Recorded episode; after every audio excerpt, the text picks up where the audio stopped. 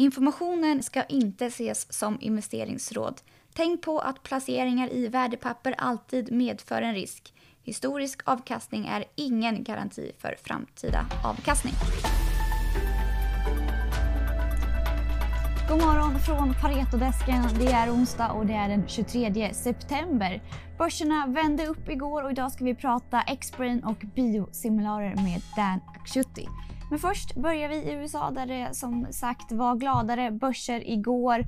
S&P 500 stängde på plus 1,05 procent och värt att nämna är att S&P bryter en fyra dagars decline. Det gick starkt i tech och retail. Amazon är upp 6 procent och så rapporterade Nike bättre än väntat igår efter stängningen vilket fick aktien att lyfta 8,5 procent i efterhanden. Financials fortsätter gå svagt i USA och eh, svagt gick det även för Tesla igår. De hade ju Battery Day men eh, marknaden hade väntat sig eh, mer nyheter kring Battery vilket inte kom så aktien föll 7% i efterhanden. I Asien så handlas börserna också upp nu under morgonen bortsett från Nikkei då som har lite att ta igen efter två dagars helgstängt. Här i Sverige så väntas Stockholmsbörsen öppna på positiva sidan och vi på Pareto har tagit upp bevakningen av Xbrain Biopharma med en köprekommendation och en riktkurs på 157 kronor aktien och aktien handlas nu i 70 kronor per aktie. Innan vi går in och pratar med Dan Akshuti om caset så tänkte jag att vi ska lyssna på vad Xbrains VD Martin Åmark har att säga om bolaget. Jag intervjuade honom för några veckor sedan. Så här lät det. Vi utvecklar så kallade biosimilarer eh, och biosimilarer är ju produkter som vi kan eh, komma ut med på marknaden när patentet på det originalläkemedlet går ut som vi adresserar.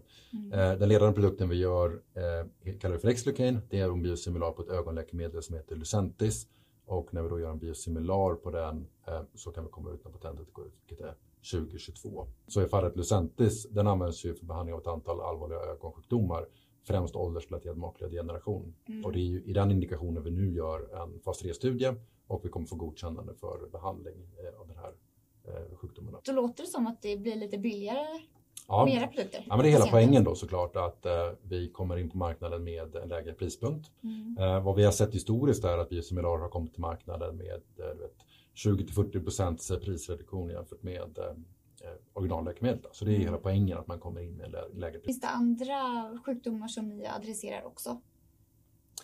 Eh, ja, vi har en portfölj av eh, fem produkter totalt mm. sett. Eh, så att nästkommande produkt då, eh, där gör vi en bisimilar på en, ett läkemedel som heter Simsia mm. och det är en så kallad TNF-alfa-hämmare som används i behandling mot bland annat psoriasis, eh, ledgångsreumatism och så vidare. Så där, den produkten ska ju behandla de sjukdomarna då som det här originalläkemedlet Simsia används för. Ja, ja. Mm. Hur stor är marknaden ungefär? Eh, nej, men ser vi på Lucent, eller Xlucane då, så adresserar ju den en marknad på 10,4 miljarder euro. Mm. Det är en mm. väldigt stor marknad som vi adresserar med den produkten.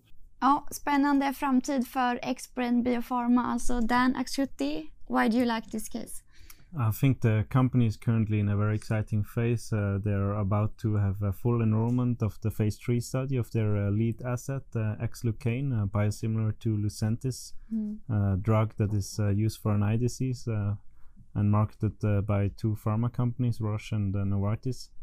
And yeah, so we expect that company will be able to commercialize uh, on this opportunity in 22. Mm. So it is in, indeed an exciting phase, and and and they're uh, approaching also with um, with four other biosimilars uh, in their pipeline. So mm. and biosimilars, uh, why is it a good uh, deal?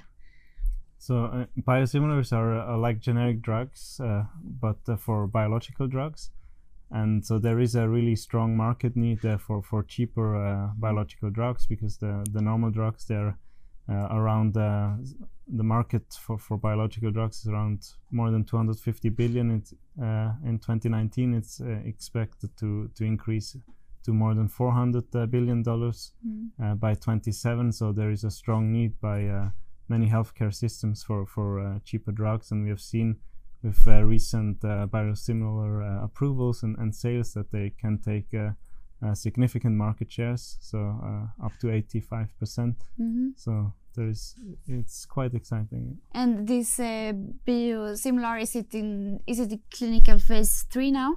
Yes, so that's uh, one has to differentiate between a phase three trial uh, of a kind of a normal drug or, or Yeah. originated drug and the biosimilar. So all Xbrain has to do is kind of uh, show that they are similar. Okay. Uh, so that's where the word comes from to to uh, originated drugs. So they don't need to deal with uh, the many clinical unknowns and uh, uh, whether uh, the target works or, or whether it's toxic, etc. So that that is more or less taken care already by the ori- originator.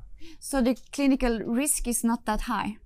No, it's fairly low. So from around 38 uh, biosimilars that were in uh, phase three uh, stage, uh, 36 got approved. So we can see that's a chance of around 95%. So So no binary risk in this no, so case. the the risks uh, I would say are more like delays if there's something happening in manufacturing, etc. So this this happens and.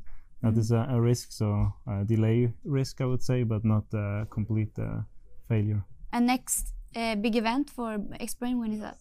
So in Q4, uh, full enrollment of the phase three trial, and uh, in Q2, Q3, 21, uh, we should get the top line data of uh, of the interim readout of, of this trial, uh, which also the company will uh, uh, be able to use to to file uh, with the FDA in the US and the EMA Mm. in uh, Europe. So these are the near term triggers. And they're aiming for both US and Europe, Yes, Japan, Asia, that uh, I think we can expect uh, uh, some deals in the near future. Yeah. but no, uh, th- they haven't communicated that Currently, there is nothing yet. uh, Okay. out. Yeah. Perfect, thank you Dan. Thank you. Och tack så mycket för er som har lyssnat. Vi är tillbaka igen imorgon. Missa inte att det kommer ut en podd idag med Kara Armfelt. Finns på Pareto Podcast. Tack så mycket, ha en bra dag.